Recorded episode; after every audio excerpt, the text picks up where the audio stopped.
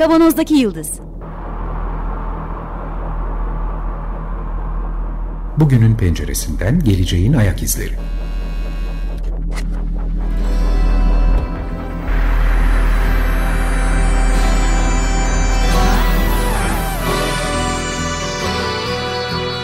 Hazırlayan ve sunanlar İsmail Başöz, Haluk Levent, Mustafa Yılmazer ve Fethiye Erbil.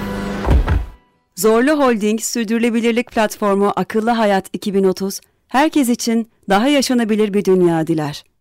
Merhabalar, Açık Radyo'dayız. 95.0 Kavanoz'daki Yıldız programında sizlerle beraberiz. Geleceğin ayak izlerini sürmeye devam ediyoruz. Yılın ilk programında geçtiğimiz yılın birincilik ödülünü verdiğimiz konuyu konuşacağız. Yaşamın online platformlara taşınması sadece eğitim değil. Mustafa uyarmadan hemen söyleyeyim. Dört kişiyiz. Evet. Mustafa burada. Haluk var. Fethiye. E, Merhaba. Ve ben İsmail. Geçtiğimiz programda 2020 yılının üzerine en çok konuşulan e, teknolojik gelişmeler, daha doğrusu bizim favori bulduğumuz, bizim seçtiğimiz teknolojik gelişmelerden bahsetmiştik. Ve birinciliği de yaşamın online platforma taşınması olarak ifade etmiştik. Bugün değişik alanlarda bu taşınmanın nasıl gerçekleştiğini, neler olduğunu sohbetini yapacağız. Fethiye e, bu bilimsel teknolojik gelişmelerden itiraf etmek gerekirse en anlayabileceğim konulardan birisi bu olduğu için konuyu kendi anlayabileceğim taraflara çekiyorum ve ikna yöntemiyle bu konuyu arkadaşlara kabul ettiriyorum. E, şunu söyleyerek başlamak lazım. Covid'in başlangıcından bir gün önce hiç her şey fizikseldi ve bir gün sonra e, çoğunlukla online'a geçtik değil elbette hepimizin gördüğü gibi. Zaten mobil uygulamalar ve online platformlara bir insanların büyük bir kısmı en azından yarıya yakını ve gençlerin ve orta yaşların çoğunlukla alışkındı. Bunu kullanmaya başlamışlardı. Belki son 10 yılda, son 5 yılda artarak bu sürüyordu.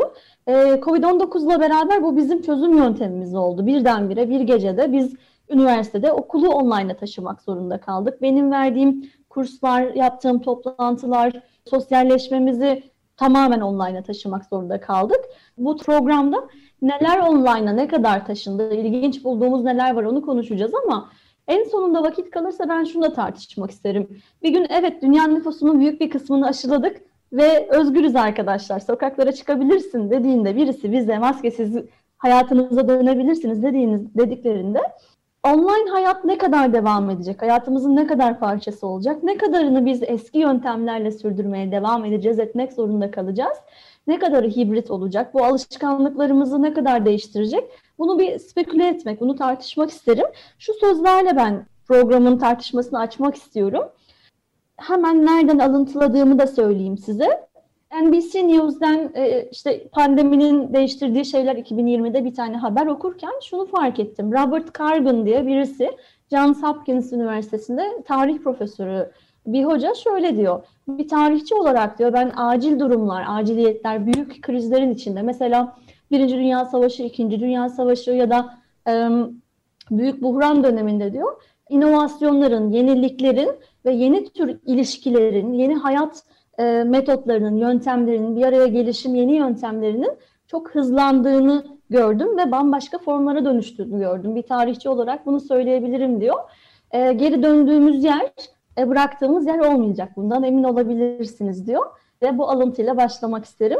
Hangi konudan ilerleyelim istersiniz? Belki biraz eğitimden, kurslardan ve onlardan, özellikle... Onlardan bayağı bahsettik aslında eğitimlerden evet, ama hayatın evet. daha birçok alanında Hı hı. online platformlar artık çok gündemde. Bu diğer alanlardan bahsedelim. Eğitimle ilgili tamam. bayağı bir mesai tamam. harcadık. Kongreler, konferanslara geliriz ama belki ben ilk o zaman şeyden bahsetmeyi isterim. Birkaç tane de yine e, sayı verebileceğim. Bir araya gelmenin, sosyalleşmenin, birlikte eğlenmenin dijitale dönüşümü, online'a dönüşümü. Biz pandemiden önce konserlere giden, tiyatrolara giden, sinema salonlarına giden insanlardık hepimiz vakit bulabildikçe. Ya da insanlarla sevdiklerimizle aynı yerde yaşadığımız insanlarla mümkün olduğunca yüz yüze görüşmeye çalışan insanlardık. Amerika'da yapılan bir araştırma, New York Times'ta yeni çıkan bir haber şunu gösteriyor. Ee, özellikle sıkı karantinanın uygulandığı dönemlerde üç tane e, mobil aplikasyonun hızla büyüdüğünü ve kullanıcı sayısının arttığını gösteriyor. Bu mobil aplikasyonların uygulamalarının adı şu. Biri Google diyor, birisi nextdoor.com benim en çok ilgimi çeken. Bir de House Party. Üçü de e, aplikasyon. Özellikle nextdoor.com şunu veriyor insanlara. Bu aplikasyonu, uygulamayı indiren insanlar e, etraflarındaki komşularıyla tanışıyorlar. Ve onlarla haberleşiyorlar ve onlarla görüşüyorlar. House Fiziksel- Party'de Buyurun. Fiziksel fiziksel komşu. Hayır hayır. Fiziksel komşu. Evet fiziksel komşu sanal buluşma. Ama daha önce hiç tanışmadıkları, hiç selam vermedikleri insanların halini hatrını sormuş oluyorlar. Onları tanımış oluyorlar sanal ortamlar aracılığıyla. Bir de house partiler var. Tabii bir araya gelinmeden, Amerika'da bir araya gelinerek de çok oldu. House Party aplikasyonunda da yine bir tane host oluyor. E, o partiyi düzenleyen kişi oluyor. Herkes yemeğini, iç, e, içeceğini vesairesini getiriyor ve saatlerce sabahlara kadar sürebildiğini bu uygulamalar aracılığıyla gösteriyor. Buradan belki topu üçünüzden birini atabilirim. Bizim de programımıza fikir desteği veren arkadaşımız Tan Morgül'ün ve Mehmet Ali Alabora'nın İngiltere'den dünyaya kazandırdığı bir uygulama var. Online meyhane. Hanginiz onu anlatmak ister? Meyhane Elsewhere. Evet. En çok katılan Haluk galiba. Evet, en çok ben katıldım sanırım. Çeşit çeşit masa yaptık orada. Çok hoş bir e, aplikasyon haline geldi. Tabii biz ilk denekleriz. Yani henüz daha özgün aplikasyon yokken fikri test etmek için bir meyhane ortamına girdik. Faz 1, Faz 1 Ee, çalışmasına katıldınız yani. Doğru. Faz bir, evet. Şimdi Kendini faz feda etmiş. Onlar herhalde. Ee, artık özel bir aplikasyon var. Aplikasyonun özelliği şu. Meyhane gürültüsünü duyuyorsun. Hı hı. Ama masada konuşulan masada kalıyor. yani başkaları dinleyemiyor. Bir de tabii Tan'la e, Mehmet Ali şey yapıyorlar. Bar balık yapıyorlar. Hı. Yani onlar her masaya e, gidebiliyorlar misafir olarak. Zaman zaman böyle geneli ilgilendiren bir konuşma yapılacağı zaman da çın çın çın çın bardağa vuruluyor ve bütün masalar aynı salona toplanıyorlar. Ve orada işte e, neyse ne konuşulacaksa ne söylenecekse onu söylüyorlar. Tabii tematik oluyor bazı. Meyhane Elsewhere değil mi? Bunu Yani söyleyelim. Elsper'den e, rezervasyon yaparak bir masa alabiliyorsun. Ondan sonra da işte masada herkes kendi mezesi, içkisiyle yapıyor, katılıyor ve Sa- sanal Masa masa değil mi hocam? duruyor. Bir dipnot düşmek istiyorum. Sanal masa herkes evinde o sırada değil mi? Kimse Tabii. tabii evinde, evinde, evinde ama Bilgisayarda bir ekranda- çerçeve satın alıyorsun. Aslında yaptığımız şey bu. Anladım. Ekranda bir çerçeve satın alıyorsun. Evet ama işte orada fazladan Tan ve Mehmet Ali'nin Hikaye Ee, anlatıcı. barbalık var. Hikaye anlatıyorlar yani sürekli. ben beğenmedim. Ben Zeki Müren çalmıyordu fonda. Hoşuma gitmedi. Ee, onu, onu yapabilirsin. Evden Zeki Müren çalama yani, Peki. bir Ee, şey e- eğlencelerin bu kısmı var. Online bir araya gelip sohbet etmeler ne kadar arttı bilmiyorum. Ancak artık sanatın diğer dallarında, eğlencenin diğer dallarında yani sanat ve kültürde online platformların kullanışları artıyor. Tiyatro oyunlarının gösterimi deneniyor, yapılıyor. Geçen hafta da söylediğim mesela West End oyunu işte benim de izlediğim bir etkinlik oldu. Tiyatroları buraya taşıyorlar. En handikaplı sanat grubu olduğu için. Yine bazı sergiler online yapıldı, yapılıyor. Program boyunca belki Genel- birkaç defa daha söyleyebilirim. Geri dönüşü olmayan yolun izleri bunlar aslında. Bienal yapılıyor sonuç itibariyle. Ben birkaç ekleme yapabilirim bu bölüme müsaade ederseniz. Haluk'un verdiği örnek üzerine. Bence tiyatroların ismini zikretmekte de çok büyük bir problem yok. Çünkü zaten destek olmamız gereken en, en önemli ilk gruplardan. Moda sahnesinin bütün oyunlarını, e, bütün diyemeyeceğim ama şu an gösterimde olan oyunlarını online izleyebilirsiniz. Kadıköy Emek Tiyatrosu öyle, e, belediyenin İstanbul Büyükşehir Belediyesi'nin tiyatrolarını e, online izleyebilirsiniz. Bir de arşivini e, açan bir sürü özel ve devlet tiyatrosu var. YouTube kanallarında bütün arşivlerini açtılar, izlenebilir halde. Bunun haricinde benim aklımda en çok kalan şeydi, ön gösterimleri ya da galaları online yapan festivaller oldu. Mesela İşçi Filmleri Festivali Mayıs ayında. Birçok ödül töreninin online çekildiğini gördük. Sahnede yine iki tane sunucu var ama ödülü almaya gelecekler, ödülü verenler ayrı ayrı. Bazen canlı, bazen videolarla bir araya getirilmiş bir program gibi oldu. Ödüller de o insanlara ulaştı. E, şu anda konser, stand-up, ondan sonra film vesaire bileti satan klasik müzik orkestrası, senfoni orkestrası konseri izlemek, dinlemek isterseniz e, belli başlı web siteleri var bilet satın alabileceğiniz. Belki onların ismini söylemekte sorun olur diye söylemiyorum. Her akşama birden çok etkinlik bulabilirsiniz. Hatta ben e, programa gelmeden önce baktığımda yılbaşı gazinosu ve yılbaşı konserlerinin online olduğunu gördüm. Yılbaşında Sema Ayini'nin online e, biletlerinin satıldığını gördüm. Evet, evet. 1 Ocak'ta şey varmış. TRT 2'de galiba Avusturya Filarmoni Bugün diyorsun değil mi? Evet, Avusturya'da Viyana Filarmoni mi? Evet. Onların konserleri varmış, online olacakmış. TRT 2'de yayınlanacak 1 Ocak'ta. Ee, şu an yayınlanmış olabilir Mustafa. evet. Ben, ben, program 1 Ocak programı. ha doğru. Berlin Filarmoni'yi uzun zamandır, ben hatta bir konser izledim orada. Ee, uzun zamandır bütün konser, haftalık düzenli konserlerini online izleyebiliriz. Şimdi bu tabii bu açıdan baktığında aslında çok mesafeyi ortadan kaldıran bir yönü de var. Tamam sosyalleşme açısından eksik kalıyorsun işte onun tadı başka bilmem ne falan filan. Ama oturduğumuz yerde Berlin Filarmoni'yi izlemek zaten hani almak Berlin'e gitsek de bilet bulamazdık zaten de. Çünkü onlar sezonluk satılıyor bitiyor hepsi hemen. E, gittiğin zaman da bulamıyorsun falan. E, o bakımdan hem geniş kitlelere ulaşmasını sağlamak hem de e, mesafeyi ortadan kaldırarak işte o tadı tabii salon içerisindeki konser tadını alma imkanı yok ama mümkün değildir yani. Mümkün değil ama yine de işte bir tür imitasyonuna kavuşmak ilginç. E, burada ben bir örnekle bu konuyu eğer kapatacaksak kapatalım isterim. Sizin tanımayacağınız ama gençlerin çok tanıyacağı bir popçu var, Türk popçusu. Edis. Tes, belki tes, ismini, teessüf belki ediyorum ismini yani. duymuşsunuz. Ne demek? Bu nasıl bir başlangıç? Ben yeğenlerden, kardeşlerden biliyorum. Geçtiğimiz hafta Türkiye'nin ilk online stadyum konseri diye lanse ettiler. Onu verdi Vodafone Arena'da. Kapalı devre bir online bağlantı teknolojisiyle insanlar biletlerini aldılar.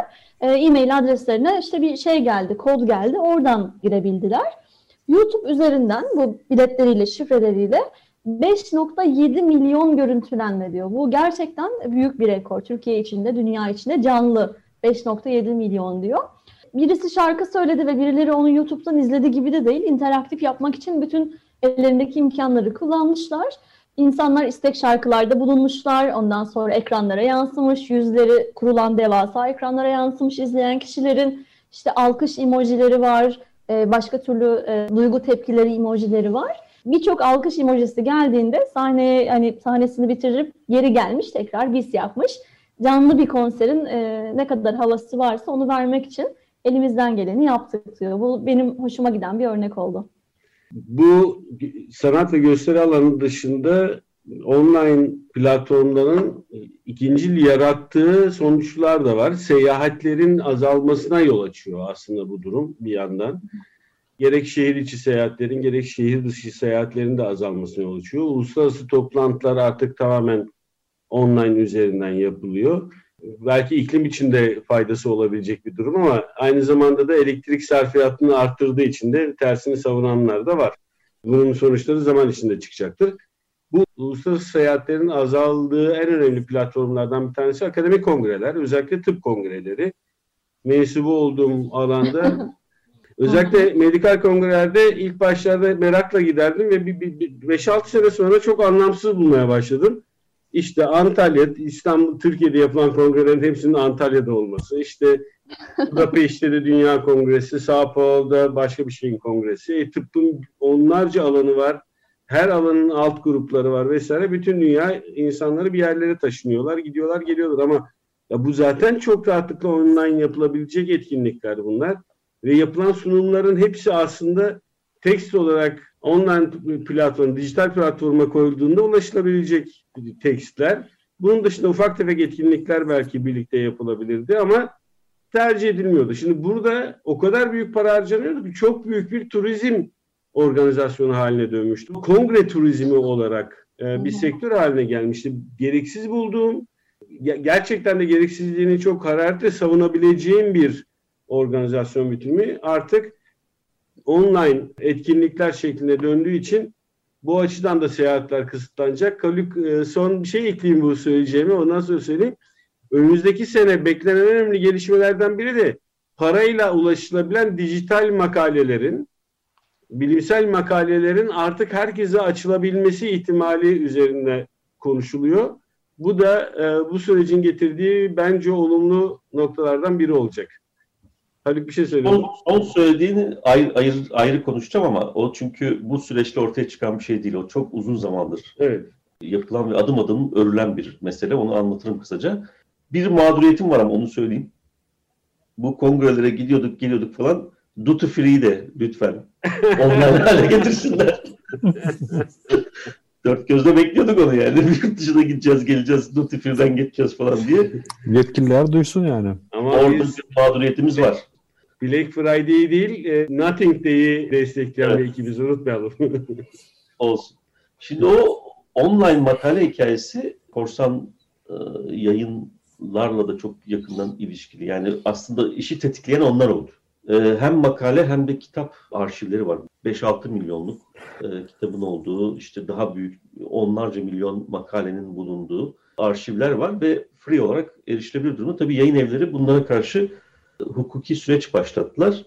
Ama bu tür ortamların ortaya çıkmasının nedeni de yayın evlerinin uyguladığı fahiş fiyat politikası. Yani bugün bir kitabın fiyatının 200 dolar, 300 dolar gibi abuk subuk ancak kütüphaneler tarafından alınabilecek fiyatlar görünce mesela en son işte bizim Asaf hocaların falan yayınladığı kitabın bedeli 200 dolar. E nasıl alayım ben şimdi onu 200 dolar?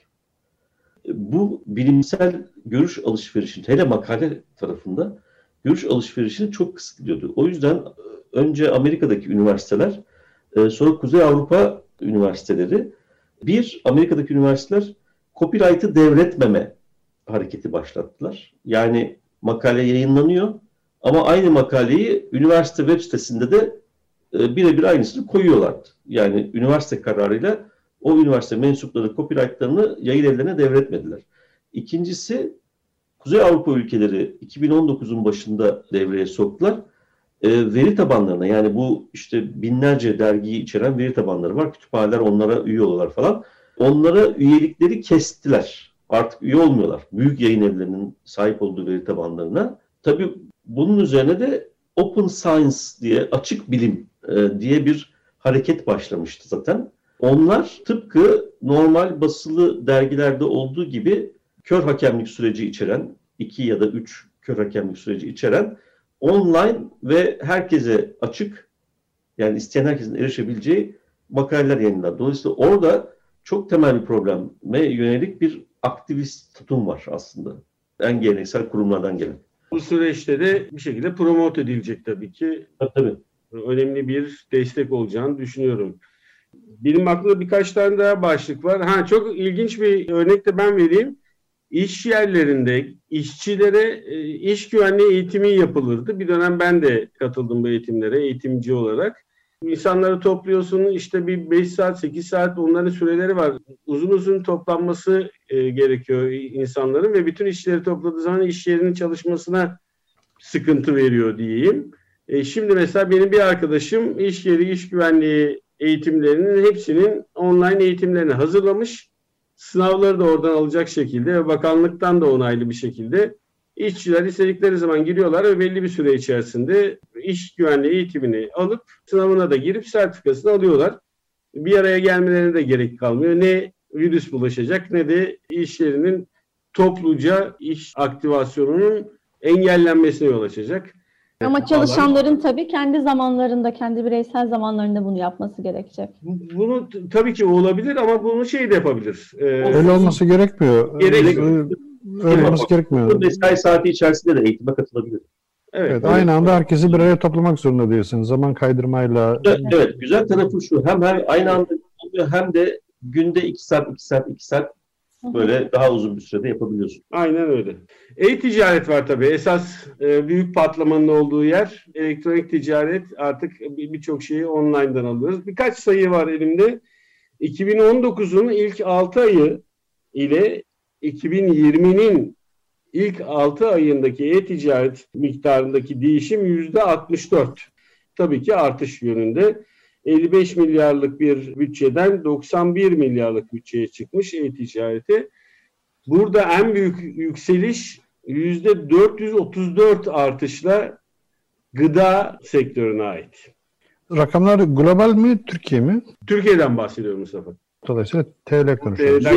İlginç. E, programdan önce e-ticaretin maaşlarıyla, e-ticaretle ilgilenenlerin maaşlarıyla ilgili bir şey söylemişti Mustafa. Onu da var. Bu da çok önemli bir şey. Evet ben bir rapor geldi elime. Şimdi bu tabii açıklanacak bir şey midir bilmiyorum ama bir araştırma şirketi değişik sektörlerde 2021 maaş artış oranları ile ilgili bir öngörüde bulunmuş. İstatistiksel olarak bu. Yani öngörü onların market e, anketleriyle yaptıkları, elde ettikleri veriye dayanıyor. Sektörüne göre işte bankacılıkta en düşük yüzde 11, örneğin e, dayanıklı tüketim malzemelerinde yüzde 15,5 olmak üzere 11 ile 15,5 arasında artış oranları var. Çalışanların maaşlarının artışından bahsediyorsun. Doğru. Çalışanların maaşlarının artış oranları üzerine.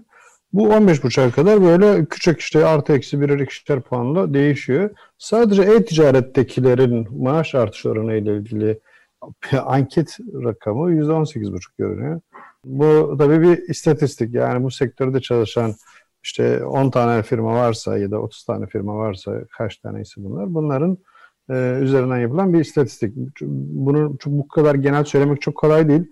Bu yüzde 30 ile yüzde 10 arasında da değişebilir. Yani şey olan e, diğer sektörlerde e, oran işte 11-15 arasındayken burada 18,5 diye bir şey telaffuz ediliyor. Gene ortalama tabii ki bunlar ama hani 3-4 puan üzerinde bu çok ciddi bir şey. Demek ki daha fazla çalışan adam arıyorlar. Daha çalışacak bu sektörde çalışabilecek kişi arıyorlar.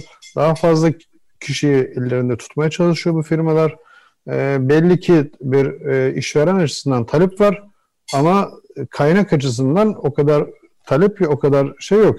E, tedarik yok şu anda ki bir arz talep dengesi açısından e, çalışanların lehine bir süreç çalışmış. Tabii evet. hep hep doğru. E-ticaret sektöründe. Yani belli ki online alışveriş yapabilecek ortamlarda çalışacak insanlar şu anda yetişemiyorlar piyasanın ihtiyaçlarına. Öyle görünüyor. Size eğlencelik bir bilgi vermek isterim burada. Ee, bir tane web sitesi var. Türkiye'nin anlık satış verilerini veriyor. E-ticaret satış verilerini veriyor. 2020 için toplam satılan ürün 29 milyon 832 bin az önce güncelledi 827 ve şu an hangi ilden kimin ne satın aldığını söylüyor. Mesela Düzce'den şu anda birisi pişik önleyici krem aldı. İstanbul'dan karışık meyve çayı aldı. Sakarya'dan bulaşık makinesi tableti aldı. Ankara'dan sade petibör aldı. Ee, inanılmaz güzel ve eğlenceli bir e, web sitesi. E-ticaretin ne kadar büyüdüğünü ve yayıldığını da görebiliyoruz. Tabii aynı zamanda da gözetim çağrının güzel bir örneğini de sen bize şu anda canlı olarak vermiş oldun. Ama çok, kişisel çok bilgiler yok. Kişisel bilgiler yok. İl bilgisi evet, var sadece. Belki daha sonraki programlarımızda üstüne konuşabileceğimiz önemli bir konu çıktı. Tam da söylediğin konuyla ilgili tüketicilerin davranışlarındaki değişiklikler Haluk bu konuda topu size atmaktan efendim onur duyarım. Ee, bu online alışverişle beraber ve pandemi süreciyle beraber tüketim alışkanlıklarında ve davranışlarında da değişiklikler oldu ortaya çıktı. E, e, çok çok tartışılan bir konu. E, İktisatçılar üzerinde epey konuştular. Bence şimdi girme. Bu bayağı uzun olabilecek bir mevzu gibi geliyor. Olabilir. Şimdi bütün bu konuştuklarımız aslında herkesin izlediği, tanık olduğu, en azından bu radyo programı dinleyen açık radyo dinleyicilerin çok çok tanık olduğu bir süreç. İddiamız baştan beri bu pandemi sürecinin birçok alanda yarattığı etkiler gibi özellikle yaşamın online platformlara taşınması konusunda geri dönüşün eskisi gibi olmanın mümkün olmayacağını görüyoruz. İddiamız bu. Hiçbir konuda eğitim dahil olmak üzere okuldaki eğitimler yüz yüze olsa bile artık online platform eğitimde de kullanılacak. İşte uluslararası toplantılarda da kullanılacak. Alışverişte de artık geri dönülmez bir şekilde online kullanılacak. Belki hani dışarı çıkıp arkadaşlarımızla sohbet etmek, e, hasret gidermek dışında bütün alanlarda çok büyük bir dönüşüme gebe olduğu belli. Daha önceki, tarihteki daha önceki pandemiler de toplumda bu tür büyük dönüşümlere yol açmış durumda zaten bu dönem artık teknolojinin de 2020 yılında bize hediye ettikleriyle beraber e, özellikle online platformlarda hayatımızda çok büyük izler bırakacak diye düşünüyorum açıkçası. Evet, kimseden... Evet, üst, üst, üstüne söyleyecek bir şey yok yani bunun. Geri dönüşü yok artık buradan. Evet. Peki. E, belki de yüz yüze gelmek, bir arada bir arada olmak, insanlarla birlikte çalışmak, e, sosyalleşmek biraz lüks gibi fazla zamanı ve parası olan insanların yapabileceği bir şey olacak gibi duruyor. Ee, aslında önceki programlarda bu refah toplumu üzerine bazı şeyler konuşurken orada insanlara artı zaman ayırabilecek bazı şeyler e, olabileceğini ve refah toplumu adına daha insanların daha az çalışıp daha fazla kendilerine ait zaman ayırabilecekleri bir yaşam modeline, hayat modeline geçilebilir mi diye konuşuyorduk. Belki eğer ekonomi yeniden bir kriz olmaktan çıkar, devletlerin finanse ettiği bir şey haline gelmeden kendi başına döner hale gelirse belki buradan yaratılacak artı değerli insanların daha fazla kendilerine vakit ayırabilecekleri, daha fazla home office çalışabilecekleri veya işte mobil ofis dedikleri hani İsmail senin ona bir kelime bulmuştun evet. sen çalışabilecekleri bir ortam olurdu. Belki daha sancıl bir ekonomik model çıkabilir ortaya bu tecrübeler evet. sayesinde. Yani sonuç itibariyle dönüşü olmayan bir yola hızlıca bizi soktu e, bu süreç. Sonuçlarını yaşayarak göreceğiz. Peki bu haftaki programımızın da sonuna geldik. E, bu programı size ulaşmasını sağlayan bütün arkadaşlara Selahattin'e, Ömer'e, Feryal'e çok teşekkürler ediyoruz. Program destekçimize yine içten teşekkürlerimizi iletiyoruz. Önümüzdeki hafta görüşmek üzere. Sağlıkla kalın. Hoşçakalın. Hoşçakalın.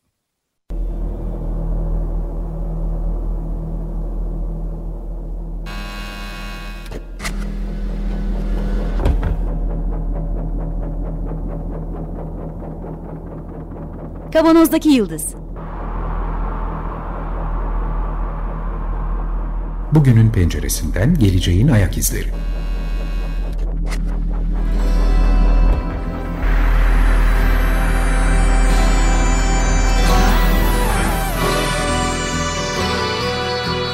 Hazırlayan ve sunanlar İsmail Başöz, Haluk Levent, Mustafa Yılmazer ve Fethiye Erbil.